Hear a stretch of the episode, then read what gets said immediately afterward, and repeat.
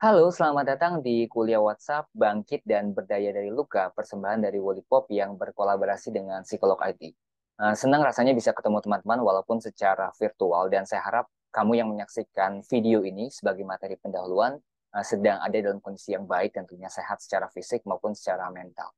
Nah, ketika saya mendapatkan tema ini, sebenarnya temanya cukup sederhana ya, simpel, tapi ternyata dalam ketika dikulik ya ketika dipelajari lebih luas ternyata ini menyentuh ya menyentuh diri kita secara pribadi kenapa karena setiap dari kita itu punya semacam emotional baggage atau peristiwa-peristiwa di masa lalu yang mungkin saja itu memunculkan sejumlah luka dan belum selesai sampai sekarang.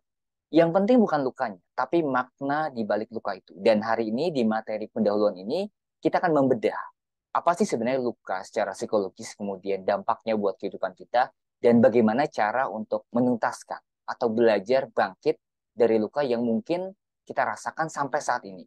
Nah, sebelum masuk ke materinya, kayaknya lebih enak kalau misalnya kenalan dulu. Jadi, buat teman-teman yang mungkin baru pertama kali ketemu sama saya, salam kenal. Halo, perkenalkan nama saya Daud Antonius. Saya adalah seorang family counselor. Jadi, uh, bisa dibilang setiap harinya profesi saya itu dengerin masalah orang juga ya. Jadi, ada 3 sampai 4 klien yang setiap harinya bercerita dan ini adalah pekerjaan yang menurut saya sangat membahagiakan, uh, membanggakan buat saya dan buat saya banyak belajar. Jadi saya bertemu dengan orang-orang yang sangat kuat dalam kehidupan mereka. Bertemu dengan masalah yang menurut saya di luar kadang-kadang uh, dari yang saya pikirkan ternyata banyak masalah tuh yang besar, tapi banyak orang-orang tuh yang kuat untuk menghadapinya saya banyak mendengarkan cerita tentang trauma, tentang luka, tentang kekerasan, uh, dan yang utamanya tentang ada kasus-kasus seperti keluarga, kasus-kasus hubungan, kasus-kasus yang mungkin ya saya bilang tadi agak sedikit berbeda dari yang kita biasa dengar. Jadi uh, bisa dibilang profesi saya ini memperkenalkan saya pada dunia yang jauh berbeda dari yang sebelumnya. Dan saya sudah menjadi seorang konselor terapis sejak tahun 2014 sampai 2023 sekarang. Jadi kurang lebih sekitar 9 tahun ya, teman-teman.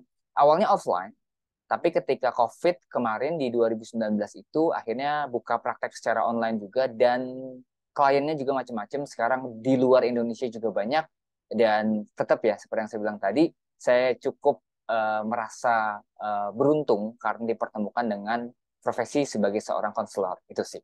Nah selebihnya saya juga menulis uh, keseharian saya selain di rumah uh, bersama dengan istri merawat anak-anak, saya juga nulis dan juga tetap belajar. Jadi uh, sesi seperti ini juga adalah media di mana saya belajar kembali tentang mungkin uh, bisa dibilang ketika saya bercerita kepada teman-teman yang menyaksikan video ini bukan hanya teman-teman yang mendengarkan, tapi saya juga mendengarkan cerita kamu, saya juga belajar mendengarkan diri saya sendiri dan itu menarik sih untuk dilakukan.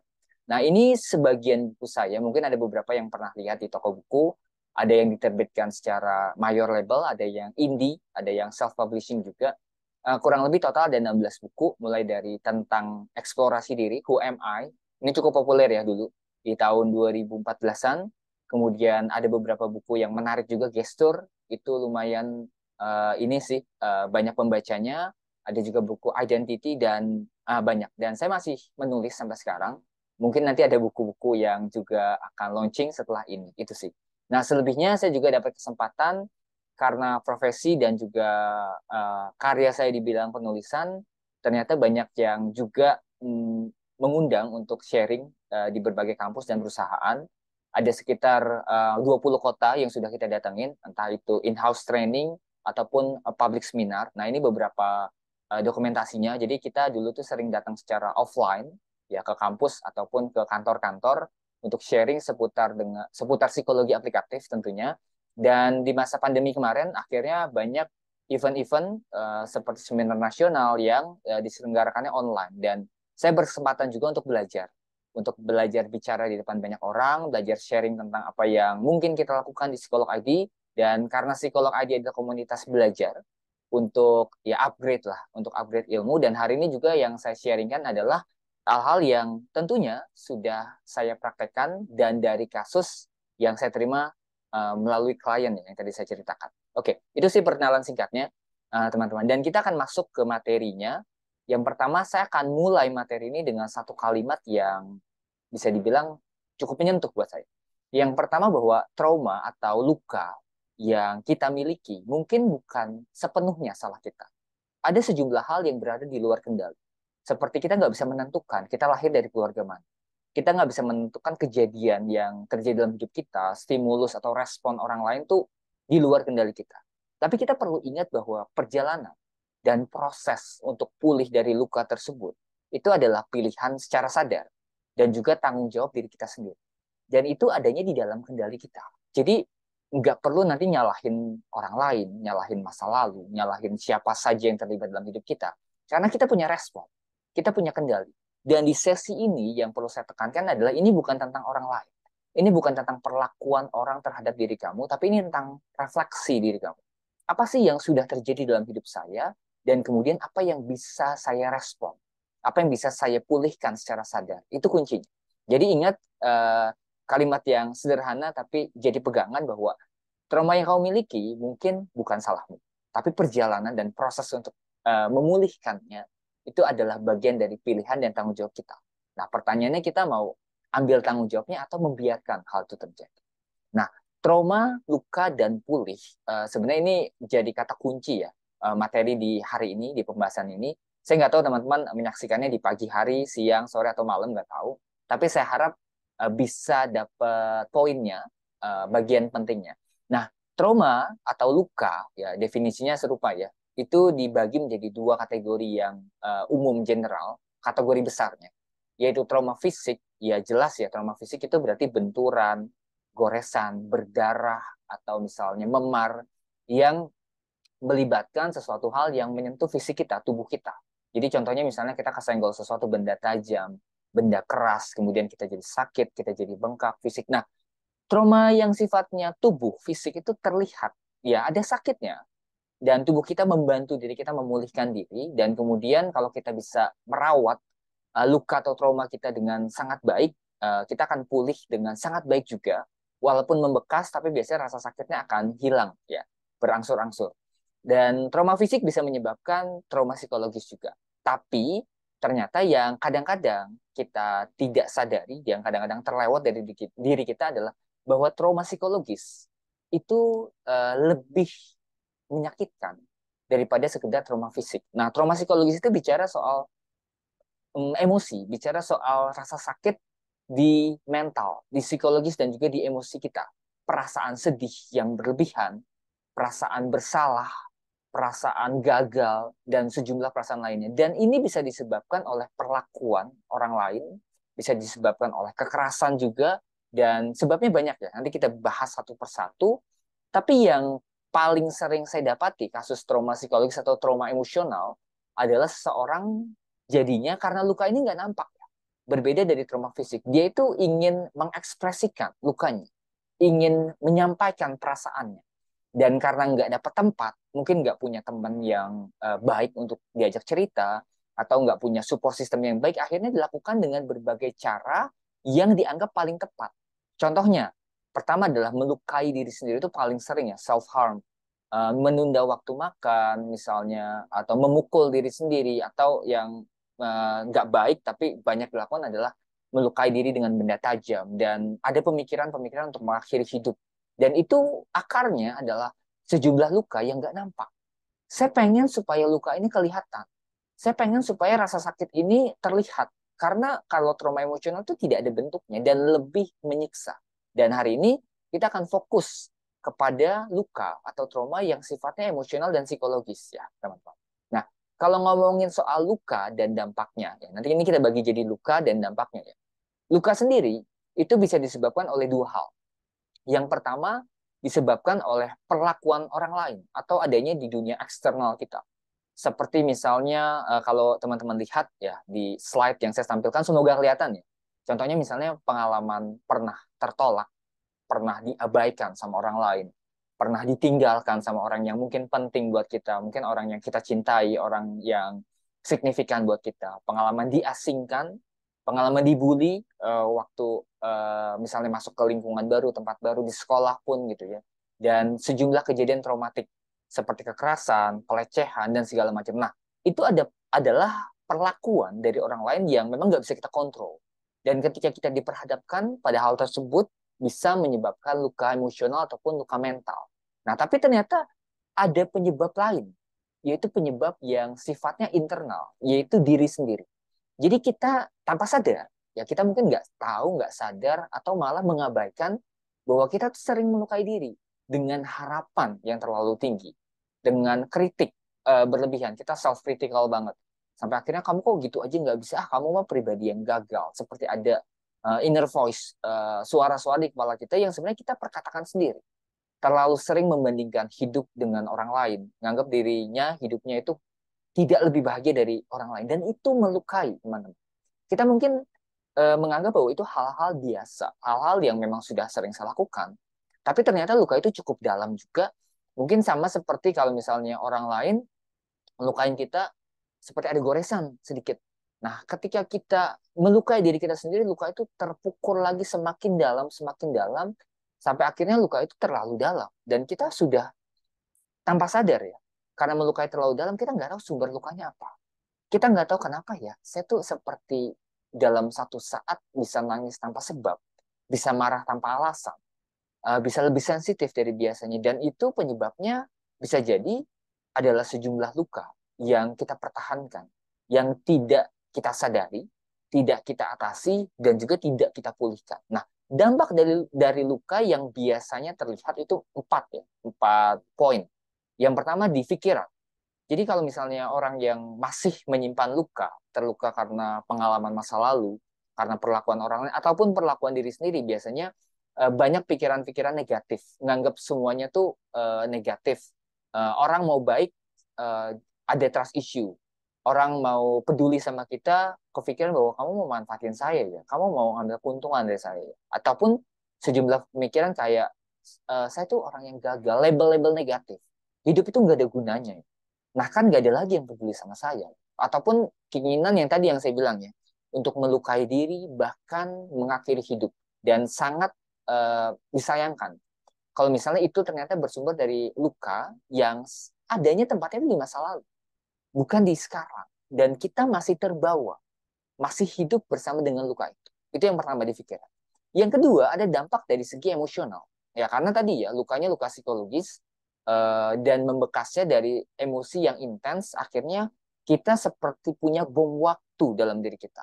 Menjadikan emosi kita tuh bisa meledak sewaktu-waktu tanpa diduga, jadi lebih mudah marah. Ada seperti perlindungan diri yang sifatnya pemarah gitu ya, angry protector, oversensitive, disinggung sedikit, uh, istilahnya mungkin jadi baper gitu ya, jadi kayak kok nggak bisa dibecandain gitu. Nah ternyata orang yang luka seperti itu, ya anggap aja teman-teman luka fisik ya, misalnya di tangan gitu ya, ada luka uh, terbentur atau tergores. Nah kalau misalnya disentuh dan lukanya belum sembuh akan sakit, dan kita nggak suka hal tersebut. Nah seperti sama halnya dengan luka fisik, luka emosional juga seperti itu ketika ada trigger yang menyerupai, tokohnya mirip, kejadiannya mirip, kita akan lebih sensitif. Cepat bersedih, mudah kecewa, dan banyak hal lainnya. Nah, ini cross-check ke dalam diri kita. Ya. Apakah saya mengalami hal seperti ini? Apakah emosi saya, uh, moodnya itu mulai nggak beraturan?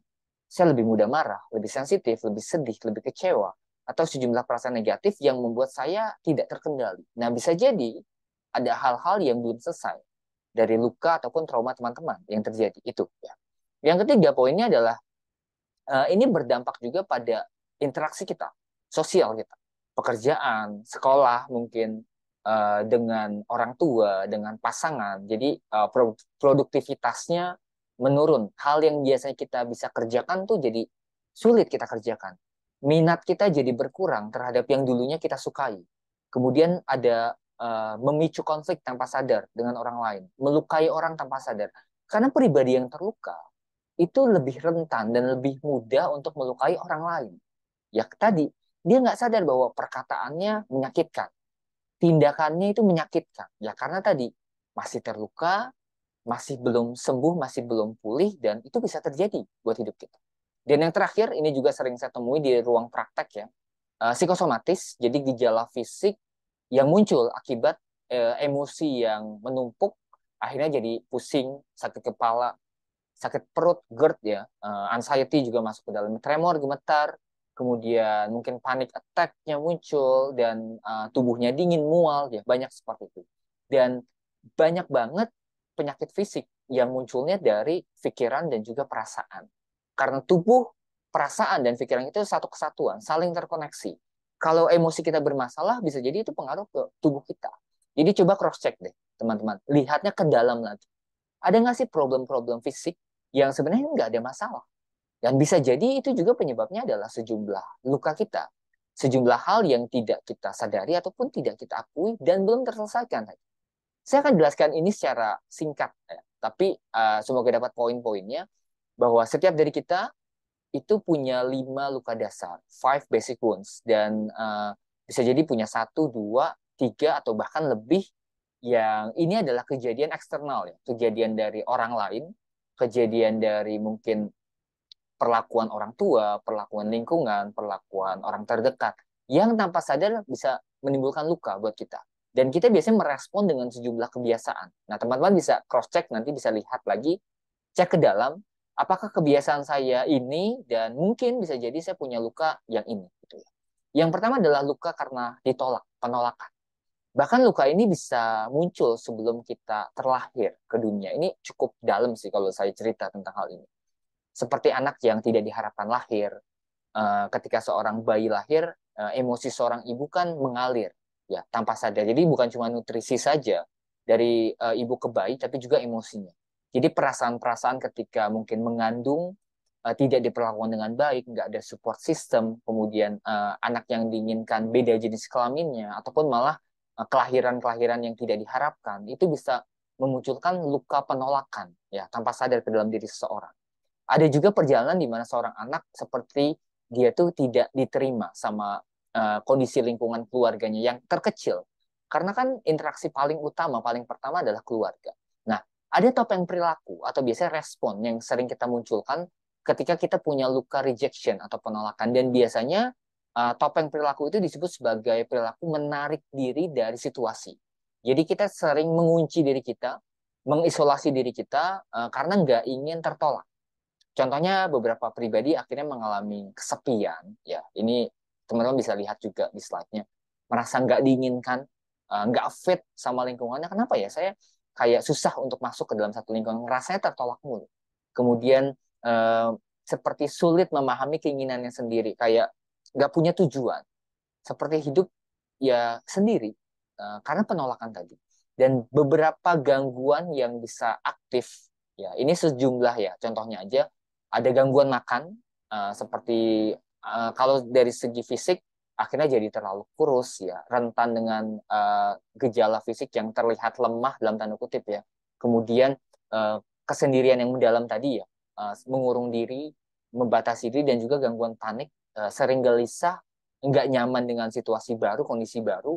Ada kecenderungan pribadi yang introvertnya ekstrim. Nah itu biasanya disebabkan oleh luka penolakan. Entah itu munculnya dari keluarga atau bisa jadi dari lingkungan teman-teman yang nggak bisa menerima uh, kondisi atau keadaannya saat itu. Yang kedua ada luka dasar yang disebut sebagai abandonment. Nah abandonment ini adalah uh, pengalaman ditinggalkan uh, yang banyak muncul sama orang-orang pribadi yang mungkin lahir dari keluarga yang bercerai atau misalnya kehilangan sosok penting dalam hidupnya berharga karena hilang meninggal dunia ada yang mungkin ya tadi ditinggalkan begitu saja, banyak ya kasus-kasusnya. Dan seorang dengan luka abandonment biasanya akan memunculkan dua respon. Yang pertama adalah terlalu tergantung sama orang lain. Jadi possessive dependence kalau menjalin hubungan. Atau yang kedua, jadi negative thinking, gak mudah percaya. Seperti ada pikiran bahwa ngapain percaya sama orang? Nanti dia juga akan ninggalin saya lagi. Ada trust issue. Ya. Sulit untuk jalin hubungan juga sama orang lain karena tadi saya terbiasa mandiri buat apa gitu saya mau sendiri aja dan bukan kesepian tapi lebih pada over independent untuk orang yang abandonment atau malah over dependence terlalu tergantung. Nah ciri perilakunya biasanya bermasalah dengan kemandirian. Entah tadi ya terlalu mandiri atau terlalu tergantung dua hal ini. Kemudian sulit untuk menentukan keputusan eh, bisa jadi selalu minta saran orang atau malah nggak terima pendapat orang lain. Ya jadi kayak ngebantah terus pendapat orang lain. Uh, menuntut validasi biasanya uh, dan atensi. Jadi perhatikan saya gitu, lihat saya, saya benarkan seperti itu ya. Jadi buat pembenaran kayak apa yang saya lakukan tuh udah pada porsinya, tracknya seperti itu. Nah gangguan yang bisa aktif uh, ini uh, setiap luka itu biasanya ada irisannya ya. ada hubungannya. Nah, sama seperti rejection, abandonment juga bisa pengaruh kepada perasaan sepi dan sendiri ya. Karena tadi uh, terlalu tergantung ataupun terlalu mandiri dan ketika sendirian dia ngerasa bahwa ya saya uh, sendiri saja gitu. Itu. Negative thinking, berpikiran negatif tentang orang lain dan juga gangguan mood moodnya suka swing Eh, kadang-kadang uh, sangat good mood gitu, kadang-kadang bad moodnya parah. Nah, itu bisa muncul dari luka abandon. Yang ketiga, uh, humiliation ini dipermalukan ya, diejek karena bentuk fisik, uh, diejek karena tidak cukup baik dan kadang-kadang uh, memunculkan perasaan-perasaan yang uh, kalau bisa sih jangan kita miliki ya, tapi kita kan kadang-kadang nggak bisa tadi nggak uh, bisa kontrol responnya dan ada perasaan layak dihina, rendah diri, uh, people pleaser atau berusaha untuk uh, menyenangkan hati orang lain dan sulit menerima menolak sorry sulit menolak permintaan orang lain. Akhirnya uh, beberapa perilakunya bisa jadi uh, self punishment, menghukum diri sendiri, melukai diri sendiri, ngomongin yang jelek-jelek tentang diri sendiri dan rentan juga menjadi pelaku bully uh, sebagai tameng dari ketidaknyamanan karena pernah dipermalukan, pernah direndahkan. Uh, bahkan bisa jadi pelakunya uh, dalam tanda kutip ya ini orang tua atau saudara. Maksudnya mungkin memotivasi atau sekedar bercanda tapi ternyata itu membekas jadi sebuah luka. Yang berikutnya dua terakhir adalah betrayal dan injustice. Nah betrayal ini uh, sesuai artinya adalah luka karena pengkhianatan ya karena uh, kepercayaan yang dilanggar janji yang dilanggar uh, kemudian yang kedua adalah injustice ini adalah otoriter dari uh, figur pengasuh kita dingin menuntut ya dan memaksa uh, seseorang untuk melakukan sesuatu yang dia nggak mau. Contohnya impian yang dipaksa sama orang tua atau dibanding-bandingkan sama keluarganya, sama kakaknya. Kalau yang betrayal itu bisa jadi seorang jadi ini ya otoriter, jadi bosi, jadi punya trust issue atau malah abusive. Jadi bisa menjadi pelaku ya, pelaku kekerasan bahkan. Ya kalau karena luka pengkhianatan. Kalau injustice uh, respon atau bisa ciri perilakunya bisa jadi overachiever. Dia ngejar sesuatu ngejar uh, pengakuan karena pernah diperlakukan nggak adil workaholic uh, bekerja berlebihan overthinking uh, terlalu mikirin sesuatu ngerasa cemas berlebih juga ya termasuk. Nah bisa jadi kita punya salah satu atau sebagian dari luka dasar itu. Dan beberapa dari kita mengabaikan menolak atau bahkan tidak mengakui kejadian tapi uh, ingat aja teman-teman bahwa kita perlu sadar waktu itu tidak menyembuhkan ataupun meniadakan luka yang kita rasakan. Lukanya kan tetap ada. Kita mungkin lupa sesaat atau kita tekan jauh ke dalam diri kita, eh, kita tekan tinggal nunggu meledak gitu ya. Tapi ketika ada trigger yang menyerupai, yang serupa, biasanya akan muncul keluar. Makanya kan akrab mungkin teman-teman istilah inner child yang terluka, kemudian bangkit lagi ketika ada satu kejadian yang menyerupai kejadian traumatik kita itu karena kita belum selesai dengan masalah luka tadi. Nah, pertanyaan kemudian adalah gimana cara kita untuk berusaha menuntaskan atau berdamai dengan luka. Jadi, pertanyaan banyak ya yang terkait dengan tema ini. Gimana cara berdamai dengan diri sendiri, gimana cara menyembuhkan luka masa lalu, atau yang paling populer gimana caranya move on, gimana caranya melupakan masa lalu, walaupun kita sebenarnya nggak bisa 100% lupa, karena cara kerja memori nggak seperti itu, kita akan tetap ingat kejadiannya, tapi tidak dengan perasaan yang sama kejadian buruk itu uh, perasaannya akan membaik kalau kita berhasil dalam fase pemulihan luka. Ya. Nah, beberapa fase ini memerlukan bantuan profesional, tapi sebagian dari eh, hal-hal ini juga bisa kita lakukan sendiri dengan berbagai teknik pemulihan diri atau self healing. Nah, saya akan jelaskan uh, sebagian ya teknik-teknik yang mungkin bisa teman-teman praktekkan. Uh, yang pertama di fase awal kita mengenal fase yang disebut sebagai fase uh, sorry kelewatan fase regresi atau mengingat kembali kejadian plus ingatan emosional. Jadi marahnya diingat, mungkin sedihnya diingat, perasaannya nggak nyaman, nggak nyamannya diingat.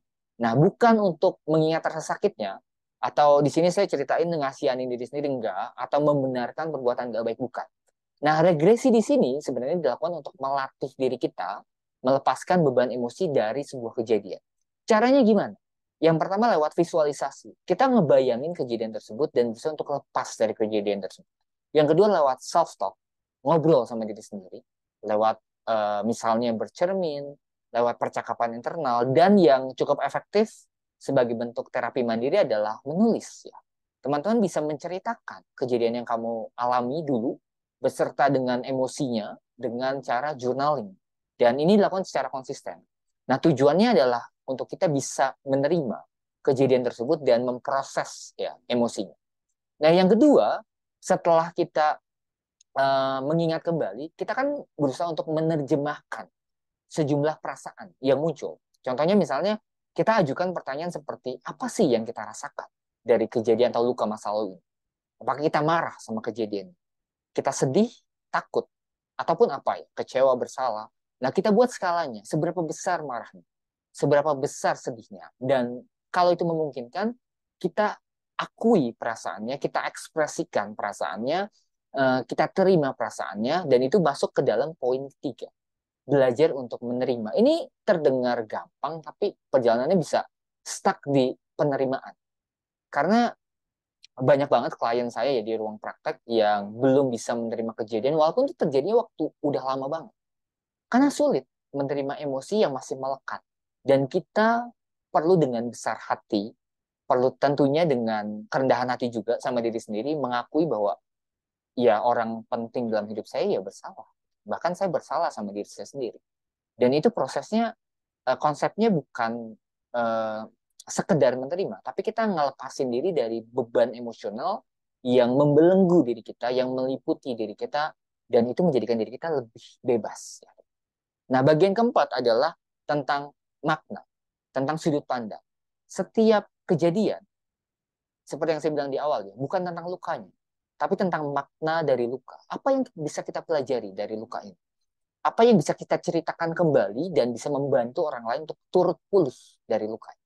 Nah, eh, selain dari empat fase tadi, nanti kalau teman-teman mau tanya lebih lanjut, kita bisa diskusi ya tentang hal tersebut.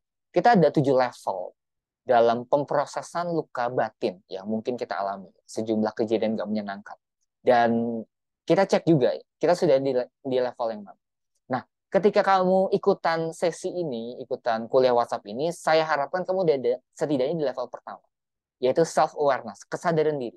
Jadi keinginan untuk sembuh, keinginan untuk pulih, keinginan merasa bahwa sepertinya ada yang perlu saya pulihkan, sepertinya ada yang perlu saya lepaskan dari kejadian masa lalu, dan itu adalah pintu masuk pembuka yang sangat baik, teman-teman. Jadi kesadaran bahwa ada sesuatu hal yang perlu saya pulihkan, intinya di situ. Nah, yang kedua, coba untuk ambil tanggung jawab secara mandiri, sama seperti kata-kata di awal bahwa proses atau perjalanan untuk pulih dari luka adalah tanggung jawab kita sendiri dan tidak menyalahkan. Jadi kita berhenti menganggap diri kita itu sebagai korban dan berusaha sebaik mungkin gimana caranya untuk mengambil kendali atas hidup dan diri kita sendiri supaya kita nggak lagi dihantui sama masa lalu ataupun sama orang lain. Siapa pun orangnya, orang tua kah, uh, yang menyakiti kita kah, mungkin pernah terlibat uh, dengan pasangan yang toksik gitu ya. Jadi mereka tidak lagi jadi orang-orang yang mengendalikan hidup kita. Jadi kita mengambil kendali ulang atas diri kita, atas diri kita sendiri. Nah berikutnya sama seperti tadi ya uh, empat level. Nah di stage ini juga adalah stage di mana kita tuh mulai menerima kejadian buruk sekalipun, menganggap bahwa itu adalah proses diri kita uh, dan mulai mencari menemukan hal-hal yang menumbuhkan diri kita menjadi lebih baik tentunya. Contohnya mungkin dengan gabung di uh, sesi WhatsApp ini ataupun teman-teman bisa ikutan kelas-kelas yang lain. Itu adalah bentuk dari tindakan self care. Kita peduli sama diri kita sendiri. Temukan minat, temukan kesukaan kita yang membawa kita kepada sesuatu hal yang bertumbuh ya, yang lebih baik. Nah, berikutnya kita menuliskan kembali sejarah hidup kita.